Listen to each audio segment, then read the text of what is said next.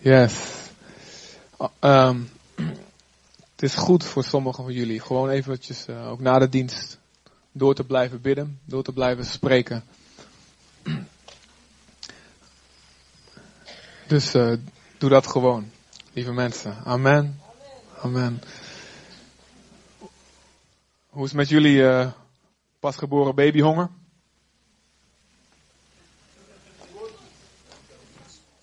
Ik hoor niks hoor. Ik hoor geen. Uh, ik bedoel, ik hoor om de halve nacht en ik hoor hier echt helemaal geen babygehuil.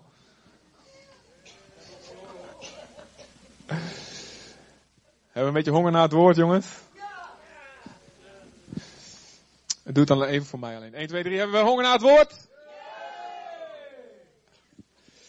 Ik krijg jullie ooit nog wel zo gek. Zo gek als ik. Komt goed. Amen. Dank u Heer voor deze dag, Vader. Dank u dat u hier bent. Dank u dat u, uw melk, Heer, voor ons is om op te groeien. Dank u dat uw vast voedsel hier is, Heer, om ons uh, ja, stevige bite te geven, Vader. Heer, om ons uh, te vullen, om ons te verzadigen. Heer, want we hebben alles nodig van uw woord. Heer, we kunnen niet zomaar selecteren wat ons uitkomt, wat ons wel, wat ons wel, wat ons wel leuk lijkt, Heer. We kunnen niet alleen, Heer, de lekkere gehaktballetjes opeten. Of de, de ayam vader, en, en, en heer, de, de groenten laten staan.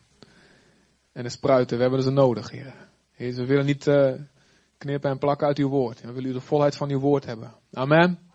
Heer, en laat ons opgroeien. In de naam van Jezus. Wij hebben het nodig te groeien. U heeft het nodig dat wij groeien. Heer, en de wereld heeft een grotere versie van ons nodig. Om bereikt te worden met het evangelie. Dus hier zijn we, Heer. In Jezus' naam. Amen. Amen.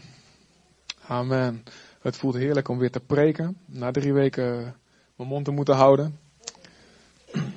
Zielig man voor mijn vrouw en kinderen. Ik kreeg allemaal extra, allemaal preekfrustratie kwam eruit. Ik kwam al bijbelteksten tegen mijn kinderen. Zo. Nee, viel mee. Maar um, het is goed om hier te zijn. Uh, twee weekjes even niet geweest. En ik heb jullie allemaal wel gemist. Dat uh, merkte ik wel vanochtend. En jullie mij natuurlijk ook. Ja. Toch? Ja. Maar Johnny Meijer en Feiko waren hier natuurlijk. En, uh, en, uh, en God was er ook. Toch? Yes, alright. Oké. Okay. Um, wij hebben drie slogans uh, als gemeente, drie, uh, drie uitroepen. Um, rondom Leef. Ongeveer een jaar geleden hebben we dat in, ingebouwd in ons systeem. Als beschrijvingen van hoe God ons als kerk gemaakt heeft. En die drie slogans die kun je hier zien op die, op die, op die, die rolbanier hier vooraan. En die kennen we natuurlijk allemaal uit ons hoofd. Dat we ons s'nachts wakker gemaakt worden om twee uur. En dan zegt, noem de drie kreten van leven. Dan zeggen we allemaal natuurlijk één. En twee. En drie. Amen. Oké, mag een andere volgorde ook. Maar dat was goed van een paar van jullie.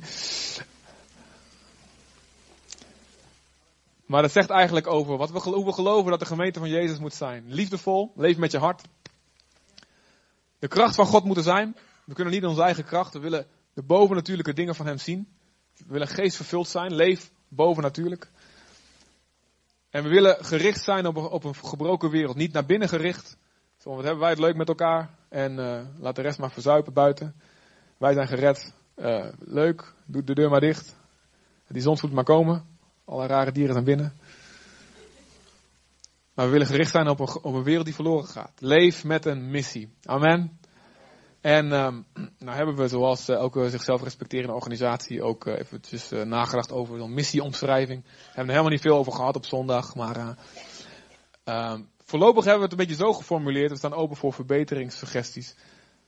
Als je nou die missie zou moeten omschrijven, van, van niet alleen ons als kerk, maar geloof van elke kerk en iedereen verhoort dat weer anders. Maar wij, dan, dan, dan, dan vonden we het mooi om het zo te noemen.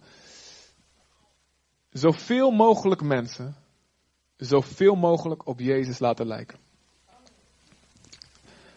Is die mooi? Makkelijk te onthouden misschien ook. En het spreekt over twee dingen. Dat spreekt over um, ten eerste kwantiteit, zoveel mogelijk mensen. We geloven niet dat we um, geroepen zijn slechts een handje uitverkoren te zijn, uh, die uh, nog net zich kunnen vasthouden als, als laatste uh, percentage van de mensheid die nog gelooft in de Heer. En we geloven dat Gods wil is dat iedereen gered wordt. En dat iedereen tot erkentenis van de waarheid komt en niemand verloren gaat. Amen. En dat is de wil van God. 2 Petrus 3 vers 9, 1 Timotheus 2 vers 4. God wil dat niemand verloren gaat. Ook jouw hele buurt niet, jouw hele straat niet, je hele familie niet. Geen enkele van je collega's, van je klasgenoten. Niemand. God wil dat niemand verloren gaat. Amen. En het is verboden om het geloof daarvoor te verliezen. Hoe moeilijk het ook lijkt. Amen. En als we blijven geloven in iets wat onmogelijk is, dan gaat God het doen. Want alle dingen zijn mogelijk voor wie gelooft. En blijf volharden in dat geloof. Je moet gewoon net doen of je gek bent. Zeg, ik doe gewoon net of ik niks zie, hoe moeilijk het allemaal is. En ik zie alleen het woord. Ik zie alleen wat God zegt. Iedereen, ik wil dat iedereen gered wordt. En ik weet dat niet iedereen zal reageren daarop, maar ik doe gewoon net of ik dat niet, geen rekening mee hou. Ik, ik ga voor de volle wil van God. En zo, dat wil willen we zijn als gemeente. Zoveel mogelijk mensen. Amen. Maar kwantiteit alleen is niet genoeg. Ik bedoel, we kunnen morgen een, uh, zeggen we gaan uh, tien auto's weggeven en dan hebben we een hele sporthal vol mensen. En dan zou je kunnen zeggen, nou, we hebben heel veel mensen bij elkaar. Dat is niet het doel. Het doel is, van zoveel mogelijk, wat die zoveel mogelijk mensen moeten gaan doen, is dat ze zoveel mogelijk op Jezus gaan lijken.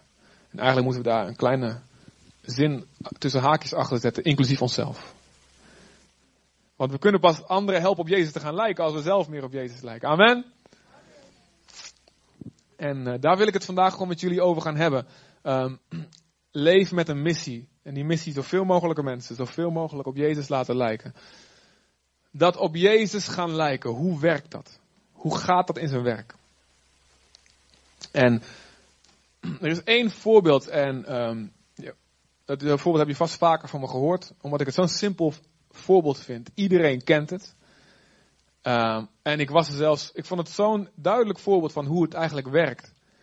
Dat ik verbaasd was dat ik het in mijn, uh, in mijn, uh, mijn 30-jarige carrière, of zoveel 30-jarige carrière als christen, nooit eerder had gehoord. Ik dacht van, dat is echt een hele simpele vergelijking. Dat het echt laat, me laat snappen. Nou, misschien heb ik gewoon niet goed opgelet. En hebben er heel veel andere mensen ook al uh, zo genoemd. Maar ik vond het zo'n simpele vergelijking van hoe het werkt. Hoe ons leven van op God gaan lijken. En, en ons, ons, onze missie in dit leven, onze opdracht in het leven, het doel van ons bestaan. Hoe je dat kan beschrijven is als de zon en de maan. De zon is de bron van al het licht en alle warmte in ons leven. Ik bedoel, we hebben natuurlijk wel wat elektriciteit hier. Er is daar eentje uitgevallen. Hopen die nog gefixt wordt. Want het is een beetje donker van achter, zag ik vooraan. Dus kunnen jullie me allemaal goed zien achterin? Ja? Nee? Hoeveel vingers steek ik op? Achterin. Zes. Met één hand, dat is echt heel boven natuurlijk, ja.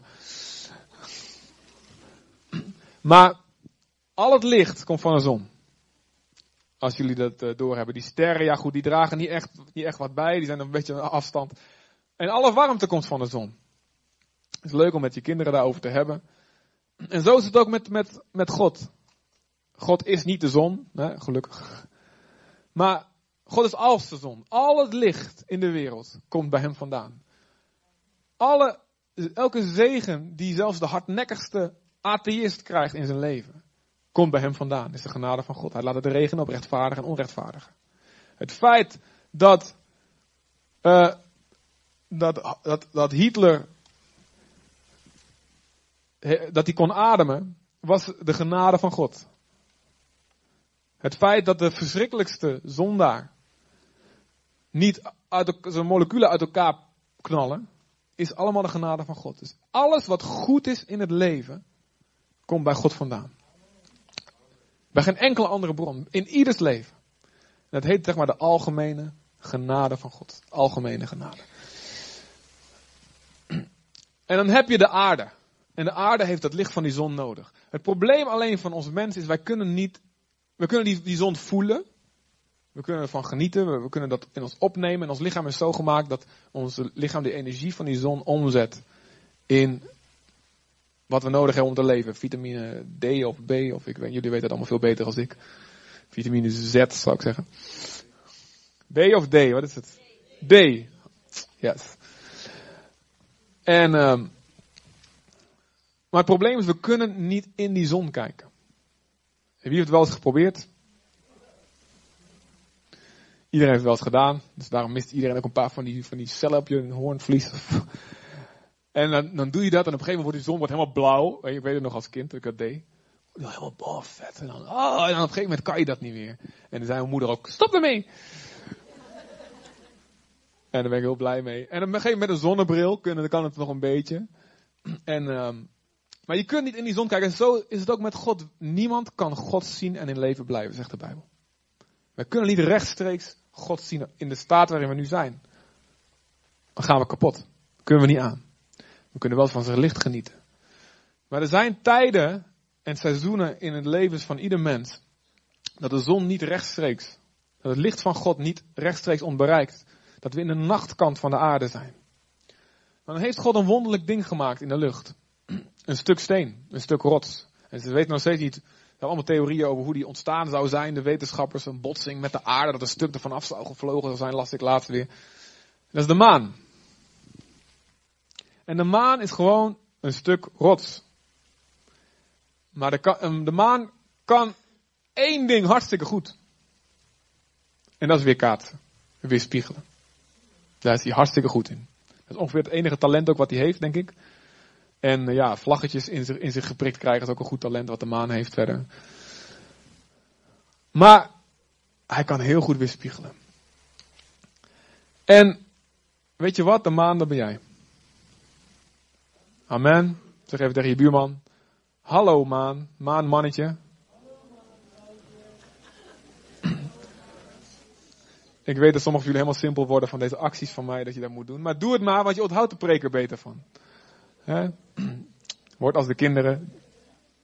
Hallo maanmannetje, heb je dat gezegd? Ja? Goed zo. ja, de aantrekkingskracht ook soms. Ja, niet, uh, niet een aantrekkingskracht van de maan, hoe zei je dat nou? Aantrekkelijk stuk rots. Nou. En weet je, het, het, vaak is het zo, mens, als mensen niet direct in Gods licht wandelen, dan kunnen ze de zon niet zien, maar weet je wat ze wel kunnen zien? De maan.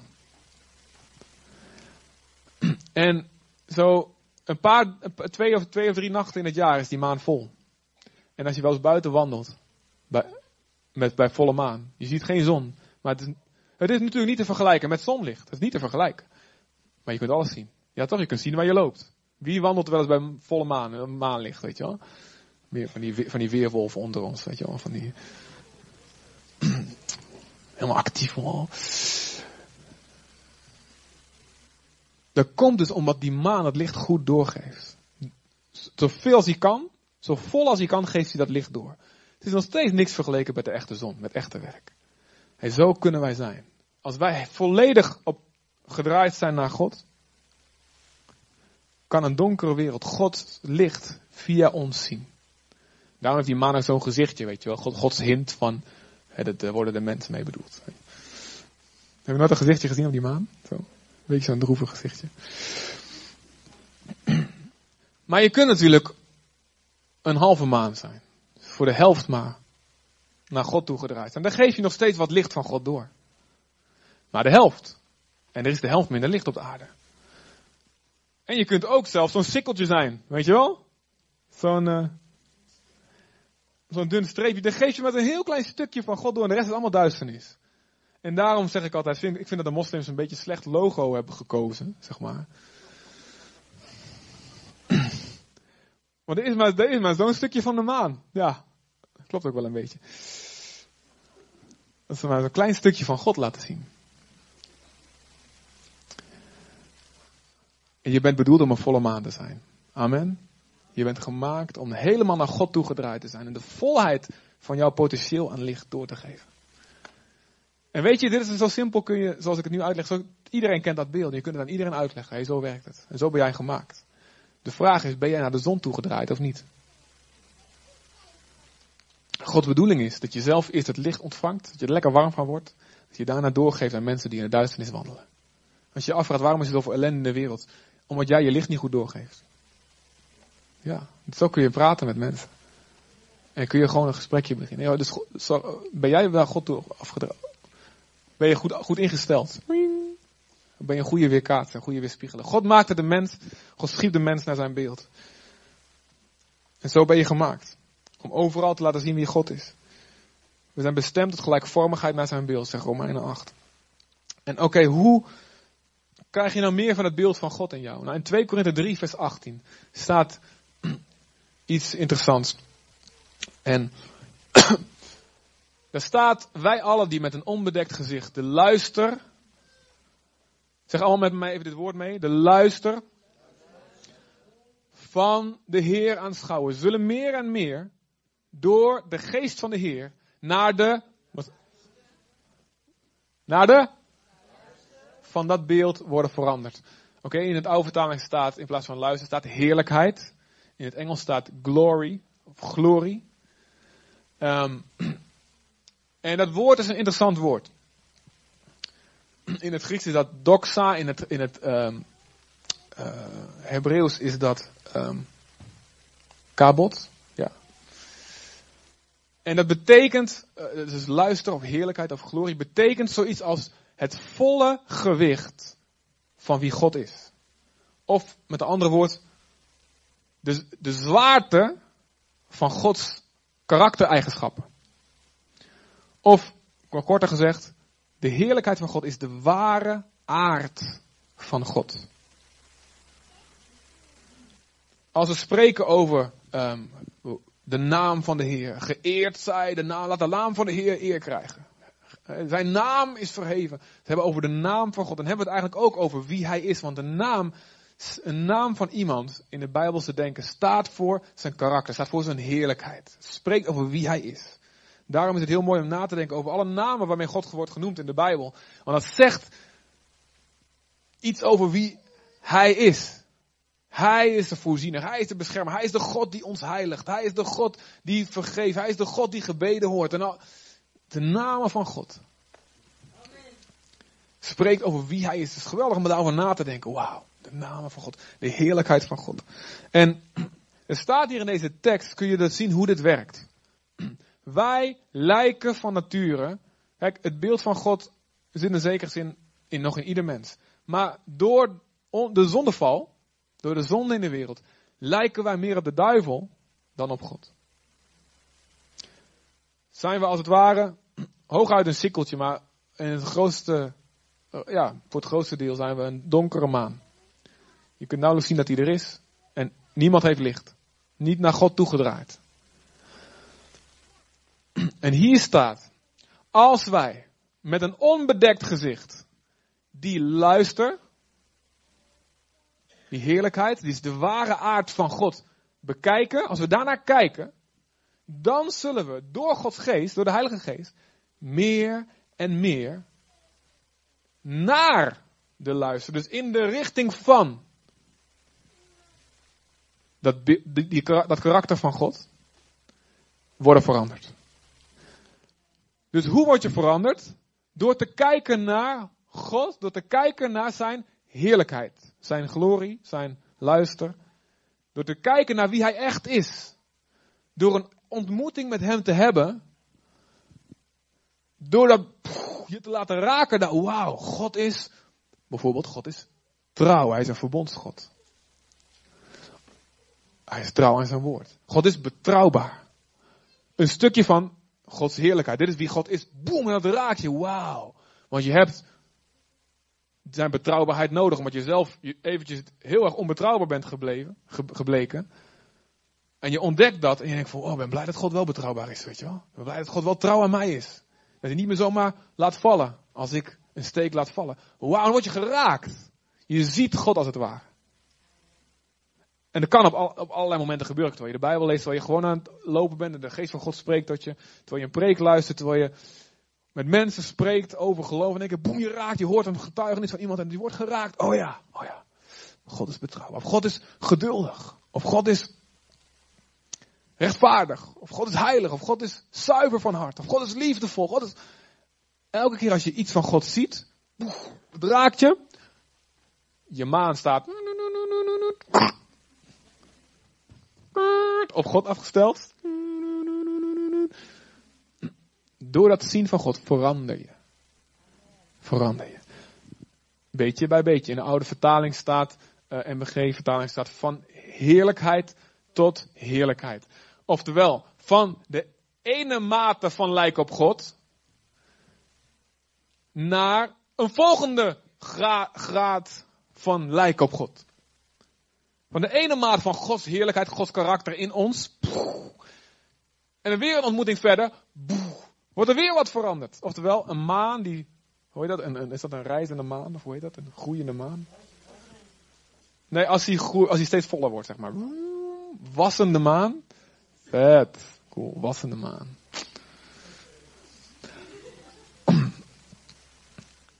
En zo, dat gebeurt er. Als je regelmatig ontmoetingen met God hebt. Nou, en er staat. Um,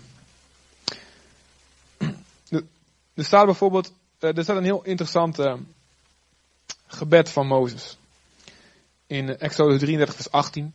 Dan zegt hij op een gegeven moment. Mozes zegt: Toon mij toch uw heerlijkheid. En een nieuwe Bijbelvertaling staat majesteit. Kijk, ze weten niet goed wat ze met dat woord aan moeten. Eén keer is dat luister, majesteit, hè. Omdat het een uniek woord is. Toon mij toch uw majesteit. Oftewel, God op uh, Mozes roept. Hij had zoveel met God al meegemaakt. Ze waren al, God, had Mozes geroepen bij de brandende braamstruik. En kom en, en, en, en ga naar de farao en zorg dat hij het volk laat gaan. Hij had al tien van die plagen meegemaakt. De zee was al gespleten. En ze waren al bij de berg Sinaï geweest. Hij had al tien geboden gekregen. Op die, op die platen. God had tot hem gesproken. Hij had heel veel meegemaakt, maar hij blijft hongerig. Hij zegt, God, oh, je zou zeggen, weet je, als ik dat meemaak, dan had ik wel, uh, had ik wel genoeg, weet je wel. Zo'n vette zee, weet je wel, de IJssel die voor je splijt, weet je. Je moet even naar, naar, naar de hoven en die brug die staat weer, weer vast, weet je wel. En je denkt van, kom op, hè. je zegt zo met je staf slaat op de IJssel, weet je, zo, eventjes, uh, eventjes oversteken. Als je zoiets meemaakt, dan zou je zeggen, nou weet je, ik, ik weet wel wie God is, ja toch? Ja.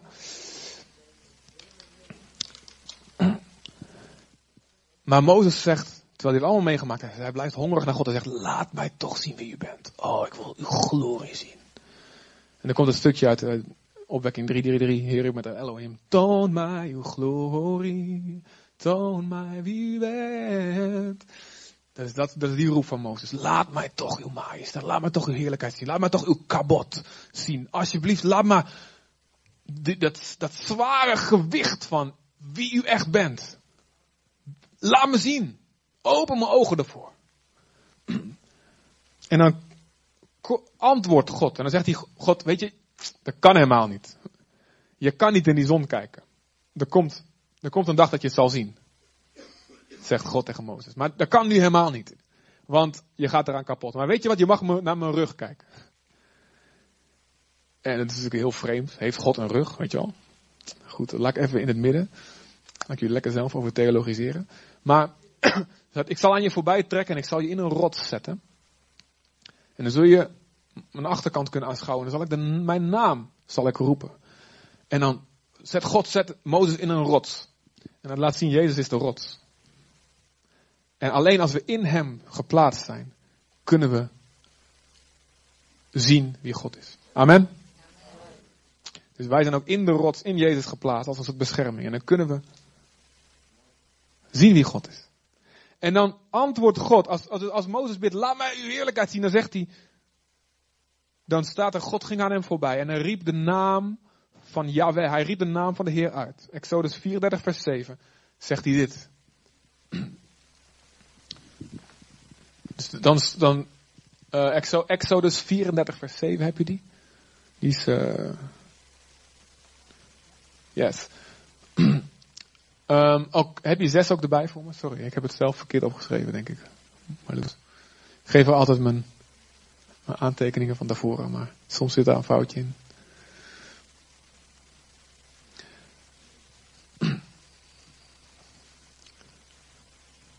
Oké, hier staat hij in de MBG. Ik zal hem lezen uit een nieuwe Bijbelvertaling. Nee, sorry, ik heb een mix van nieuwe Bijbelvertaling en herziende staatsvertaling gemaakt voor mezelf. De Heer, de Heer een God die liefdevol is en genadig. Let op, allemaal karaktereigenschappen. Zie je dat?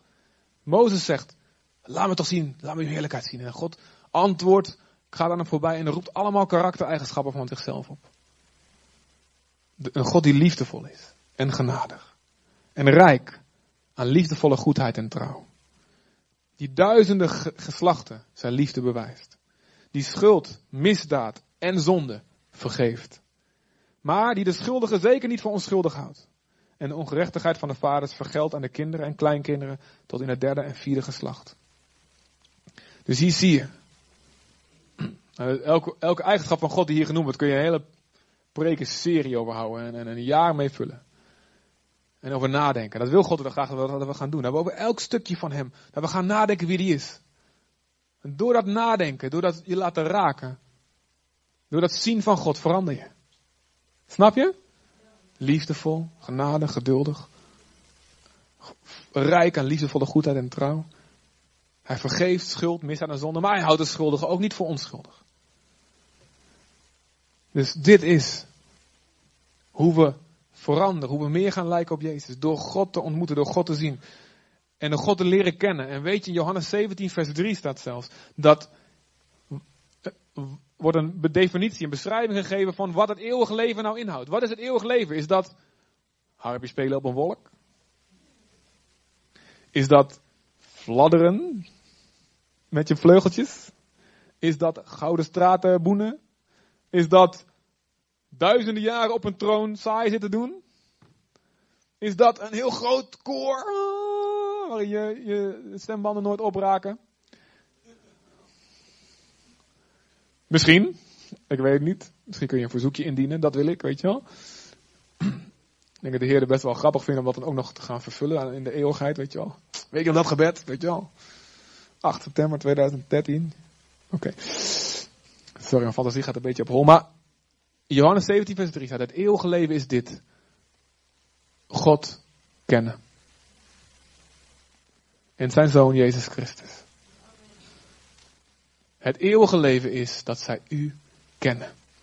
Het kennen van God is het eeuwige leven. 2 Petrus 1 vers 3. We hebben alles wat nodig is voor leven en godsvrucht door de kennis van Hem. 2 Petrus 3 vers 18. Wij groeien op in de genade en in de kennis van onze Heer. En Romeinen 12 vers 1 tot 3, er staat, hoe worden we een ander mens? Doordat we niet gelijk worden aan de wereld. Niet hetzelfde worden als de wereld om ons heen, maar dat we vernieuwd worden in ons denken. Oftewel, gedachten over God die verkeerd zijn. Bijvoorbeeld, God is ongeduldig. Of God is niet liefdevol. Of God is niet rijk, maar arm aan liefdevolle goedheid. Hij is net als een mens. Hij, hij, hij op een gegeven moment kapt hij ermee. Met zijn liefde. Al die leugens over God.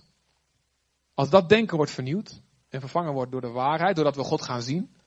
Daardoor worden we hervormd. En niet letterlijk hervormd zoals hervormde kerk. Dat kan trouwens heel moeilijk, want dat bestaat niet meer. Dus hersteld, hervormd kunnen wel worden. Of gereformeerd. Maar dan word je, je een ander mens, opnieuw gevormd, doordat je gedachten over God verandert. Zo word je volwassen. En als hoe meer je God leert kennen, staat er dan in vers 3. Oeh, een lange tekst. Um, daar staat dan, dan, halverwege het scherm, dan zul je makkelijker en steeds beter kunnen ontdekken wat God van je wil. En wat voor hem goed en welgevallig is. Dus dan, door het kennen van wie God is, weet je ook steeds beter, oh, dit wil God. Dan wordt het steeds minder een worsteling om de wil van God voor je leven te ontdekken. Welke beslissing moet ik nou maken? Want je kent het hart van God steeds beter en beter en beter. Zo werkt het. Zo groei je in je geloof. Zo groei je in kennis. Zo word je een volwassen christen. Hoe? Door voortdurend God te ontmoeten, God te zien, God naar God te kijken, je te laten raken. Bam, één stukje van God. En de volgende keer weer een andere ontmoeting met God, van een heel andere kant van God. En, en dan zul je merken, de ene keer denk je net dat je alles over God weet. Nou, nou snap ik het. En dan zet God je weer op het verkeerde been. Oh, die kant, daar heb ik nog niet al bij stilgestaan. En dan heb je op een gegeven moment, nou, dit, dit, dit, dit, dit ken ik van God. Dan wordt je je favoriete, favoriete leer, wordt dat dan je favoriete doctrine. En dan zet God je weer op het verkeerde been. Van, oh, oh, die kant. Oh ja, weet je wel. En, en zo groeien. Zo groeien. zeg je, oké, wauw, ik ontmoet God weer.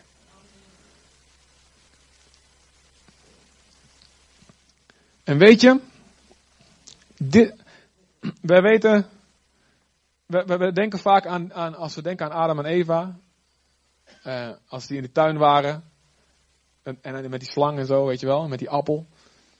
Denken we vaak aan die boom, die foute boom. Maar er stond nog een boom. De boom des levens, de boom van het leven. En weet je, dit is eten van de boom van het leven. Het kennen van God. Het kijken naar God. Het jezelf als maan afstellen op God.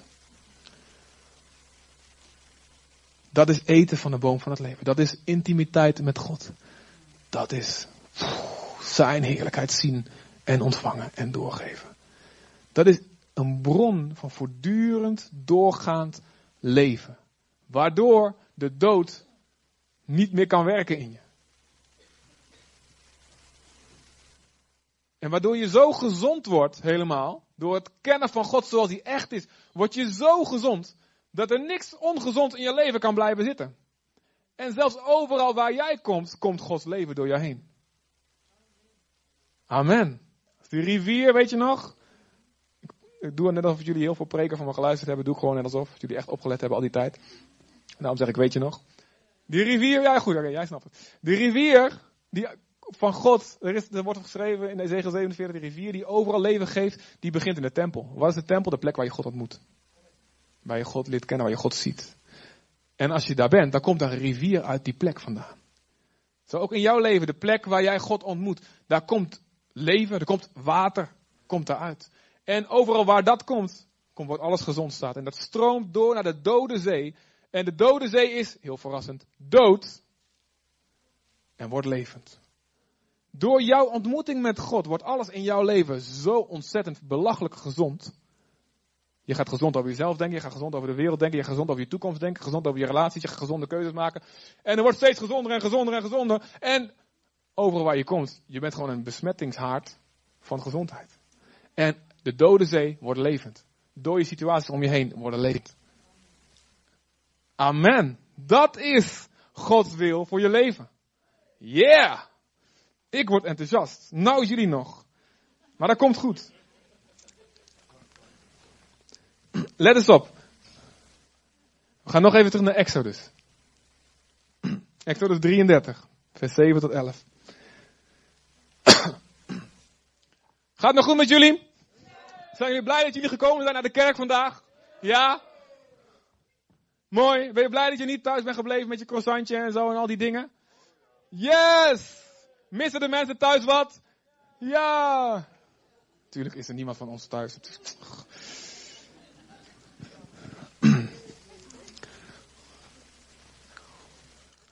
Wie heeft de goede ogen? Achterin en kan lezen wat hier staat. Wie heeft de goede bril? Ik zal duidelijk voorlezen als je dit niet kan lezen achterin. Ik heb 2020 vision. Ik kan echt, ik kan dit van een kilometer aflezen. Echt serieus.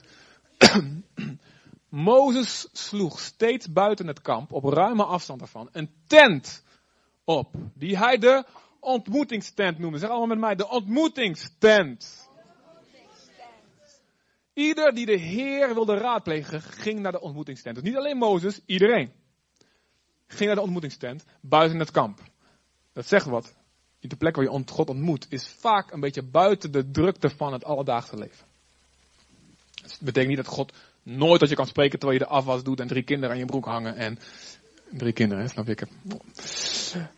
En uh, de tv aanstaat. Dat kan, dat kan best. Maar vaak is het zo, vaak is het zo dat, die, dat moet een beetje buiten het kamp zijn. Als je God wil raadplegen. Even het bos in. Of even voor, voordat iedereen wakker is. Of nadat iedereen wakker is. Nadat iedereen is gaan slapen. Of eventjes eruit. Of even in de pauze van je werk. Dat deed ik heel vaak. Op de week. Oh, halleluja. Ja, goede ideeën. Amen. Word je soms een beetje afgeleid door de lieflijke geuren misschien. Maar een reukoffer is dat, of niet? Um, maar ontmoetingstent, als je de Heer wilde raadplegen, gingen ze daarheen. Vierde regel. Telkens als Mozes zich erheen begaf, gingen allen voor de ingang van hun tent staan. Daar gaat hij. Mozes gaat bidden. En iedereen kwam naar buiten. Ze gingen staan. En ze keken Mozes na tot hij naar binnen was gegaan. Stel je voor, jij gaat bidden. Je gaat naar het bos. En iedereen, die hele straat, komt naar buiten. Die leeft die gaat bidden. Ze komen naar buiten, gaan voor een, gaan voor een huis staan en ze gaan je nakijken. Zodra hij in de tent was, daalde Gods wolkkolom neer. Zijn bovennatuurlijke wolk, waardoor ze wisten dat God er was. En deze bleef bij de ingang staan. En dan sprak de Heer met Mozes. Wanneer het volk de wolkkolom bij de ingang van de tent zag staan, boog ieder zich voor de ingang van zijn tent neer. Dan gaat je hele straat, je ziet die, die, die, die, hebt daar je, je parkje waar je altijd zit te bidden. En de hele straat, die komt naar buiten. Die kijk je naar. En dan komt die wolk van God, er komt er allemaal vuurwerk. En de Heer is daar. En de hele buurt gaat zo buigen. Wow, vet. Weet je wel, hij gaat bidden. Dat gebeurt natuurlijk nu nog niet. Maar over een paar maandjes. En dan, zeg ik, dan, dan snap je wat er gebeurt als het gebeurt. En de Heer sprak persoonlijk met Mozes, zoals een mens met een ander mens spreekt. Of zoals een man spreekt met zijn vriend, staat in de MBG. En daarna keerde Mozes terug naar het kamp. Maar zijn jonge dienaar Jozua, de zoon van Nun, verliet de tent niet. Hij week niet uit de tent. De ontmoetingstent. Die plek waar je Gods heerlijkheid ziet. Die plek waar je je afstelt op die zon. De plek waar je over Gods karaktereigenschappen nadenkt. Waar je je laat raken. Waar je God ziet. Oh God, laat me zijn in uw tempel, zegt David. Zodat ik u mag onderzoeken, uw lieflijkheid mag onderzoeken in uw tempel. En mag aanschouwen wie u echt bent. Toon mij uw glorie. Daar komt Gods volk. En daar praat God met jou.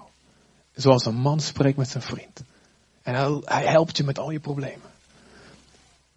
En daarom is het zo belangrijk dat je gebedstijd niet een tijd is van het opdreunen van een lijst gebedsverzoeken die je doorgemaild hebt gekregen. Hartstikke goed, weet je wel, om te doen. Doe dat ook, weet je wel. Maar dat niet alleen dat is van, Heer zegen Afrika, zegen Burkina Faso, zegen Ghana, zegen Malawi, zegen, et cetera. Centraal-Afrikaanse Republiek, Somalië, snapt het. Prima om te doen. Maar dat je, dat je, als je bidt, dat je echt God ziet. Daarom is het zo Daarom is het een ideale wereld als je hier komt en als die liedjes gezongen wordt. Dat je niet bezig bent van, nou, eh, Gerben heeft zich weer eh, goed geschoren vandaag, weet je wel. En uh, nou, die, die drummer die zit een beetje scheef op zijn stoel en hartstikke leuk. En dit liedje ken ik al, dit liedje ken ik nog niet. En dat is hartstikke normaal, logisch dat je daarmee bezig bent. Maar wat de bedoeling is, is dat je, dat het een ontmoetingstent is. Elk liedje, elke zin in elk liedje, dat dat een tent is. Dat je zegt, wow, oh zo is God. Daarom zijn de mooiste aanbiddingsnummers ook nummers die gaan over wie God is. Het is echt belangrijk om soms te zingen over, um, uh, weet je wel, mijn dankbaarheid is groot. En, en, en oh, u draagt me, weet je wel, ik, uh, ik heb ontdekt als ik aan uw voeten ben, uh, trots en twijfel wijken. Het zijn belangrijke nummers inderdaad, we moeten er ook in blijven. Maar ik, ik vind, mijn overtuiging is, er moeten altijd nummers bij zitten. Waarin gesproken wordt over wie God is. Een God van trouw is Hij, volmaakt in liefde. Goed en rechtvaardig is Hij. Weet je, dat is de eigenschappen van God. En dat kan een opsomming zijn, zoals dit liedje, of, of kan ook één zijn. Weet je wel? Gods genade, Gods heiligheid. Weet je wel? dat, dan ontmoet je, dan zie je God dat waar in die liedjes. Daarom proberen we jullie te op te jongens, weet je wel. Jammer als je de eerste twee nummers nodig hebt om in te komen en dan mis je die eerste twee ontmoetingstenten, snap je? Amen? Ja, land het, land het. Ik hoop het. Anders zeg ik gewoon nog een keer tot het land. Maar weet je, dat de dingen niet een ritueel voor ons zijn. Dat naar de kerk gaan, dat naar in je twaalfgroepen, weet je dat, dat spreken over God, dat een ontmoetingstent is. Dat die dagopeningen, daarom hebben we dat ook gewoon. Weet je wat, gewoon elke dag. Ook al zijn het er maar een stuk of vijf of tien die komen. Prima. Maar dat er elke dag de gelegenheid is samen om ontmoetingstent te hebben. Ontmoetingstent. Want wat gebeurt er dan? Dan ga je meer en meer op Jezus lijken. Van de ene mate van heerlijkheid naar de volgende mate van heerlijkheid. Je groeit, je wordt volwassen. En de wereld krijgt meer licht. Yes! Dat zijn we aan het doen hier. Dat, dat, dat is waar het om gaat. En wat gebeurt er? Er gaat hetzelfde gebeuren in je leven als bij de Mozes gebeuren. Als jij regelmatige, echte ontmoetingen hebt met de heerlijkheid van God, wat gaat er gebeuren? Mensen zullen opstaan voor hun tent. Je zal respect afdwingen. Mensen zullen zien dat je met Jezus geweest bent. Je hoeft niet meer op te scheppen Ik ben zo belangrijk, want ik doe dit. En je hoeft het niet meer te compenseren met uh, weet je wel, belangrijke titels. Je, hebt allemaal niet meer nodig, want je weet, ik weet dat ik bij, dat ik weet wie God is. Ik heb hem weer gezien. En mensen herkennen dat. Ze kunnen dat vaak niet, niet helemaal beschrijven, maar ze hebben, dit, is iets, dit is iemand die weet waar hij het over heeft. Je hoeft niet alles te weten, maar wat je weet van God, wat je kent, echt kennen, dat heeft gezag. En je spreekt iets. En waar, waar je neef vroeger een doof oor had van, ja, heb je hem weer met de God en zo. En ik heb, is het, hmm. Niet dat hij meteen zich bekeert, weet je wel, en misschien ook wel. Maar ze herkennen, ja, dit is iemand die echt weet, die, die komt echt bij, bij God vandaan. En er is respect. En wat gebeurt er ook? De mensen keken Mozes na. Je zal een soort aantrekkingskracht krijgen. Een soort aantrekkingskracht krijgen wat niemand anders heeft. En ze noemen dat de X-factor, weet je wel. Dat is een charisma, iets ongrijpbaars, iets. Wat is dat? Wat is dat? Wat is dat waardoor ik, ik, ik mensen of bij je willen zijn en zeggen, ik wil dat ook hebben. Of een ontzettende bloedhekel aan te krijgen als ze zich niet willen bekeren. Dat gebeurt ook. Dat gebeurt bij Jezus ook. En wat gebeurt er? Wat gebeurde er met Mozes? Lees op Exodus 34, vers 29 tot 35. Mozes daalde de Sinaï af met de twee platen van het verbond bij zich. Hij wist niet dat zijn gezicht glanste, doordat hij met de Heer had gesproken. Dus hij komt beneden van die berg. Hij heeft God gezien. En hij denkt, jongens, maar voordat hij een woord kan zeggen, iedereen zo, ah, ah. Iedereen zet zijn zonnebril op, weet je wel. Iedereen gaat naar binnen en dan, wat is er aan de hand? Dat doen ze normaal, weet je wel. Jullie zijn een beetje raar vandaag. En, ga naar de volgende. Dat is normaal, Mozes. Wat heb je daar, weet je wel. Haal die van me af. En zijn gezicht was helemaal radioactief van de Heer. Helemaal Fukushima, hoe heet dat? Fukushima, babas. Ja. Oké. Maar helemaal stralend, helemaal Tsjernobyl voor de Heer. En wat moest hij doen? Toen Aaron en de andere Israëlieten de glans op Mozes gezicht zagen. Ja, Mozes die staat in Exodus hij stotterde een beetje. Hè, dus daarom heet zijn broer ook Aaron. Durfde zij niet naar hem toe te gaan. Maar Mozes riep hen bij zich. En Aaron en de leiders van het volk kwamen bij hem en Mozes sprak met hen. En daarna kwamen ook de andere Israëlieten. En hij droeg hun op zich te houden aan alles wat de Heer hem op de Sinaï gezegd had. Toen hij uitgesproken was, bedekte hij zijn gezicht met een doek. Pak allemaal een doek. En bedek je gezicht. Doe maar. Allemaal even doen. 1, 2, 3. Pak een doek, pak een t-shirt, pak je mouw en bedek even je gezicht. 1, 2, 3. Mag je ook samen doen, mag ook best samen onder de bedekking. Verstop je onder je jas, heel goed. De mensen hadden schoon genoeg van dat gestraal van Mozes. En vonden het bloed irritant. Kap daar nou eens mee, Mozes. Waarom ben je altijd zo happy clappy? Dat vind ik zo vervelend. Jij altijd met de Heer en je kunt er nooit over ophouden. Doe eens een burka op, zei ze tegen Mozes. En Mozes moest noodgedwongen met die burka lopen, knalde tegen alles aan, omdat hij niks kon zien. Als Mozes de Israëlieten dan zei wat hem opgedragen was, zagen zij hoe zijn gezicht glanste, straalde. En daarna bedekte hij zijn gezicht met het doek, totdat hij opnieuw met de Heer ging spreken. Oké, God wil dat je straalt. Weet je nog? Zon, maan.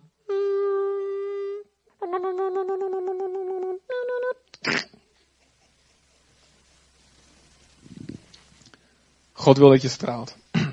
God wil dat je straalt. Let maar eens op, Psalm 34, vers 6. Wie naar hem opzien, stralen van vreugde. Eh, Spreuken, 5, Spreuken 15, vers 30. Vriendelijk stralende ogen verheugen het hart. Matthäus 5, vers 16. Laat je goede werken schijnen. En laat zo, doe goede werken en laat zo je licht schijnen voor de mensen. Opdat ze je goede werken zien en je vader in de hemel is verheerlijken.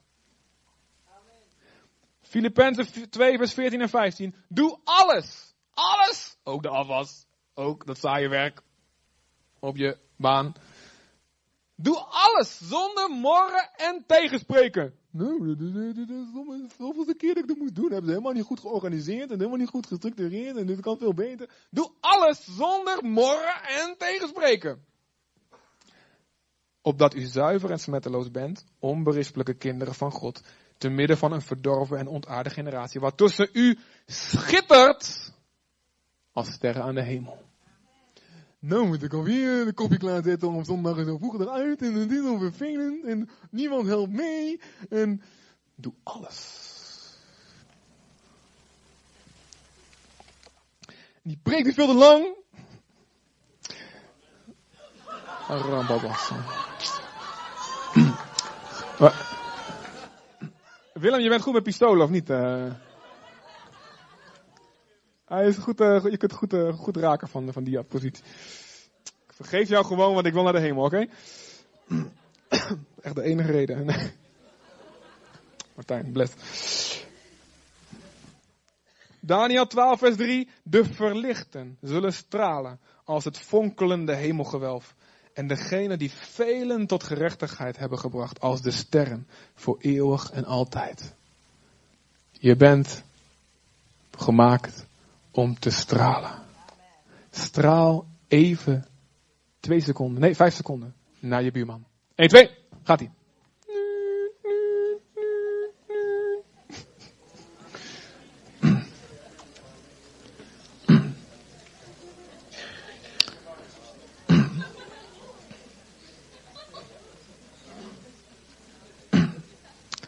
En wat gebeurde er met Mozes? Een hele generatie parasiteerde op zijn relatie met God. Ik bedoel het redelijk positief. De hele, een hele generatie kende God door hem.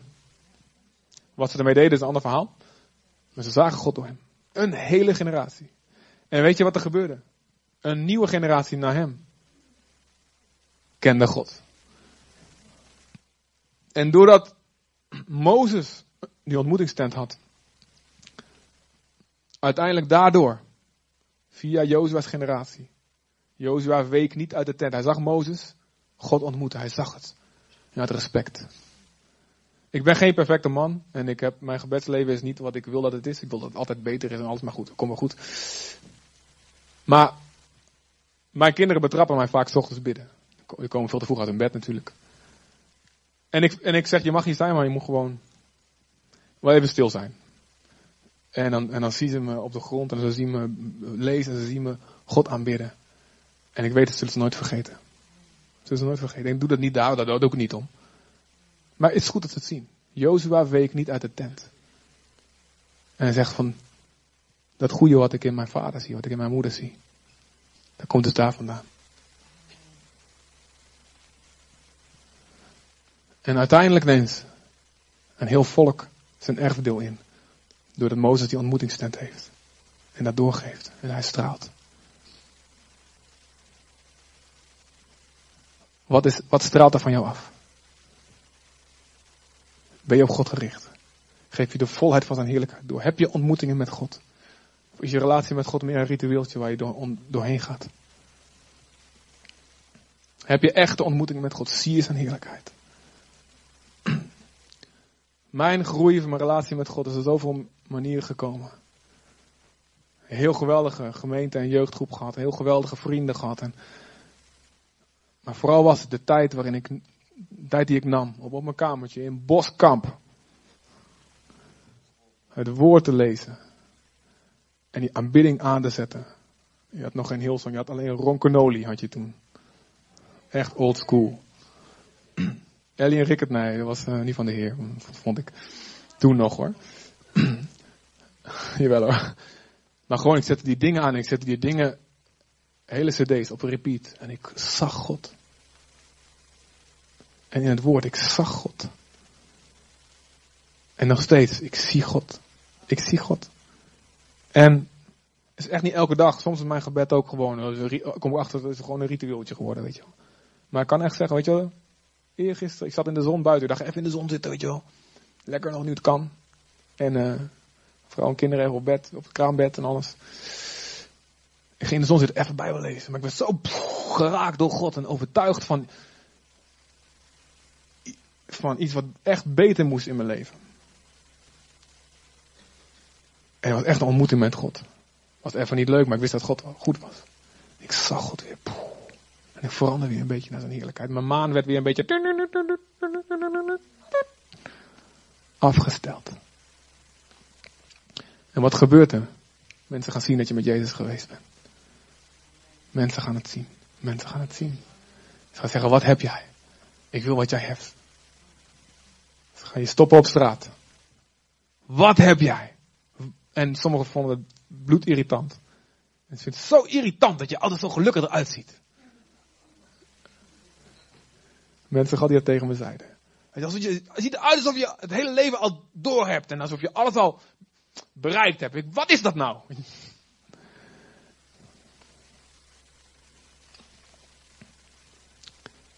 Het is niet voor één iemand. Het is voor een heel volk. Hoe komt het? Ontmoetingstent.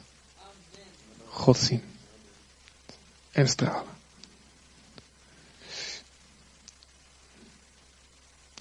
Ik wil je vragen om te gaan staan.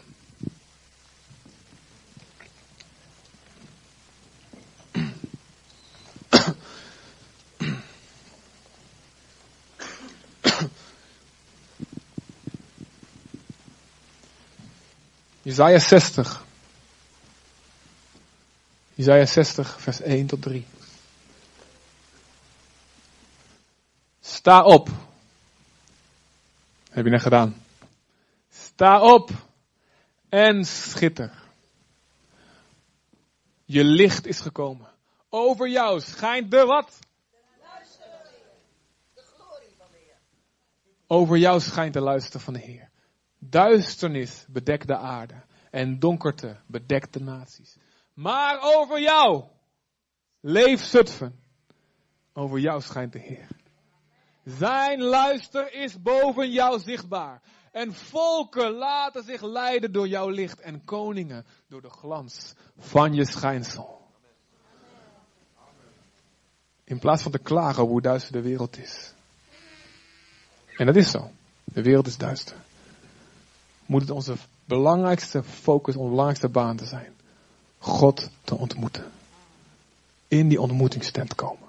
Radioactief besmet te raken door de Heer. En die burka afgooien. En stralen. Licht brengen. Licht brengen. Strek je uit. Hef je handen op naar de hemel. Hef je handen op in Jezus' naam. En begin God te ontmoeten. Begin God te zien. Begin God te zien. Jezus, Jezus, Jezus. Jezus. En misschien moet je een besluit maken. Je, je dagelijkse gebedstijden. Zeg, Heer, ik, ik wil. Ja, er moeten ontmoetingstenten gaan worden. Het moet, moet eventjes. moet even uit die sleur, uit het ritueel. Ik wil dat het. Ik wil dat het weer een ontmoeting met u wordt. Misschien heb je het gekend. Je zegt, God, dat, dat wil ik weer. Op een heel nieuw niveau, natuurlijk, een heel andere seizoen van je leven. Maar dat wil ik. Ik wil weer God ontmoeten. We wil God gaan zien. Misschien moet je weer gaan doen wat je eerder deed. Misschien moet je weer meer aanbiddingsmuziek opzetten. Misschien moet je weer meer even met vrienden afspreken. Gewoon praten over God. Misschien moet je meer evangeliseren. Ontmoet je daardoor God. Het kan van alles zijn. Misschien moet je wat meer gaan dienen. Ontmoet je daardoor God anderen helpen. Kan van alles zijn waardoor jij God ontmoet. Relatie met God niet te beperken tot één vorm alleen. Maar maak een besluit en zeg tegen de Heer. Ik kom, ik kom in die tent. Ik kom in die tent. Ik sta op. Ik ga het kamp uit. Ik ga het kamp uit. Ik ga u ontmoeten. En misschien is er zoveel duisternis in je eigen leven nog. Maar weet je, het is niet erg. Je bent gewoon een maan. Je hebt geen licht in jezelf. Dus stop met te proberen je maanlicht te laten stralen zonder op God afgesteld te zijn.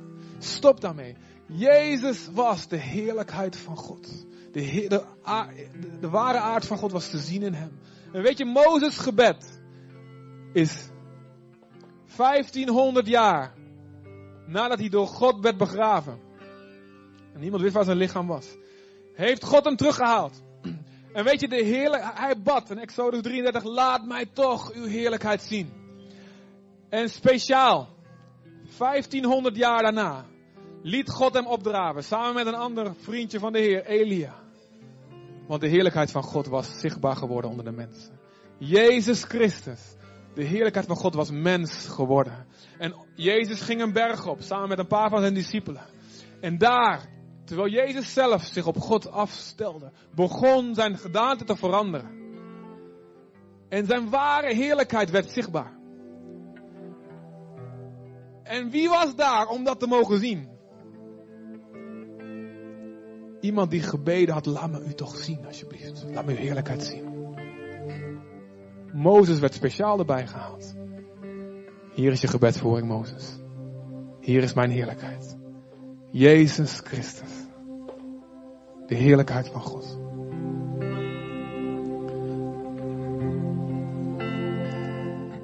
Als jij God wil kennen vandaag, je kent God niet. Je ontdekt van man, ik ben gewoon een dode maan. Het is donker, donker, in mijn leven, donker om me heen. Je kan vandaag God leren kennen door Jezus Christus aan te nemen. Door je af te keren van je oude leven, zeggen ik wil dat niet meer. Ik ga stoppen met zelf een goed licht proberen te produceren. En ik ga me afstellen op de zon. Ik ga me afstellen op Jezus. Als jij dat wil vandaag, dan willen we gewoon met jou bidden. Als je hier bent en je bent geen christen of half christen, of je bent misschien in theorie een gelovige, maar je hebt nooit echt een ontmoeting met God gehad. En jij wil zeggen, vandaag is mijn dag dat ik mijn leven aan Jezus ga geven. Je hoeft helemaal niet veel te weten, je hoeft helemaal niet veel te kunnen. Het enige wat je, wat je moet doen is je moet het willen. En kiezen, zeggen ja, dat wil ik. Als jij dat wil doen, dan wil ik je vragen gewoon uit je rij te komen en hier voor mij te komen. Dan gaan we gewoon kort met je bidden. En een gebedsteam zal er zijn om eventjes nog met je na te praten, je te helpen. Als jij zegt, ik wil vandaag mijn leven aan Jezus geven. Doe iets heel dappers. Dat is helemaal niet zo eng hoor. En kom gewoon even hier voor mij staan. Je hoeft niks te zeggen, we gaan gewoon voor je bidden. Is er iemand die dat wil doen vandaag?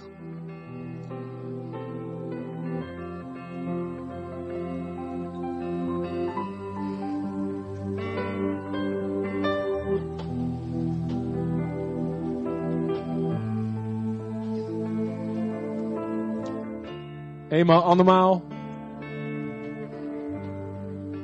Jij kent Jezus al, kerel.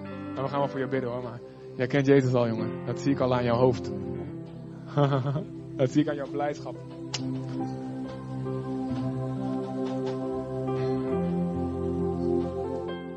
Ruben, jij kent Jezus toch ook al?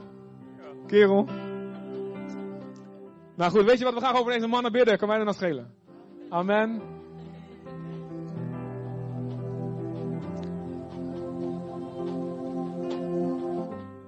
Hey, hallo. Hoe is het? Alles goed? Welkom. Hi. Jij komt mee, hè? Heel goed, heel lief. Heel goed, amen. Zijn er nog meer hier vandaag? Die zeggen, dit gaat mijn nieuwe begin zijn.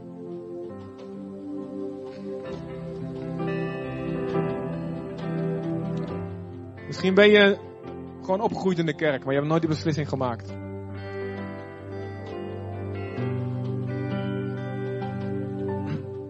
Nee, alright. Mensen, we doen onze handen uitstrekken naar deze lieve schatten.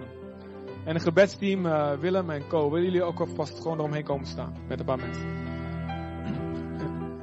Oké. Dank u, Vader. Dank u, Heer, voor deze dag. Voor mensen die naar u toe gaan draaien. U zegt dat we moeten geboren worden uh, uit, uh, uit onze moeder. Maar ook daarnaast moet er een tweede geboorte plaatsvinden. Is een geboorte van boven. Een geestelijke geboorte.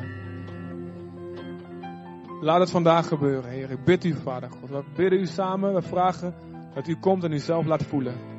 In de naam van Jezus, Heer. Aan de mensen die hier staan. Dat u laat voelen wie u bent. Dat u laat zien wie u bent. En dat ze vandaag hun eerste of een nieuwe ontmoeting met u zullen krijgen. Dat ze zullen zien wie u echt bent. We bidden u dat de leugens die verteld zijn over wie God is, die zagrijnige oude man is op een wolk, die bliksem gooit en al die dingen en al die gekkigheid. We dat u al die leugens wilt weghalen uit onze kop. Uit, het hoofd van deze mens. En als u gaan zien zoals u echt bent, laat hen uw glorie zien. In Jezus' naam. U bent de God die rechtvaardig is, die de schuldigen niet voor onschuldig houdt, maar die ook iedereen vergeeft, die spijt heeft en die zich keert naar u. En de straf voor onze zonde hoeven wij niet zelf te betalen, maar Jezus draagt die in onze plek. En dat verandert alles. In Jezus' naam, dank u Vader, voor deze mensen die u ontmoeten vandaag. In Jezus' naam. Amen, amen. Zullen we God een applaus geven voor zijn goedheid. En voor deze mensen ook. Hey, super dat jullie hier zijn. We willen nog een paar mensen.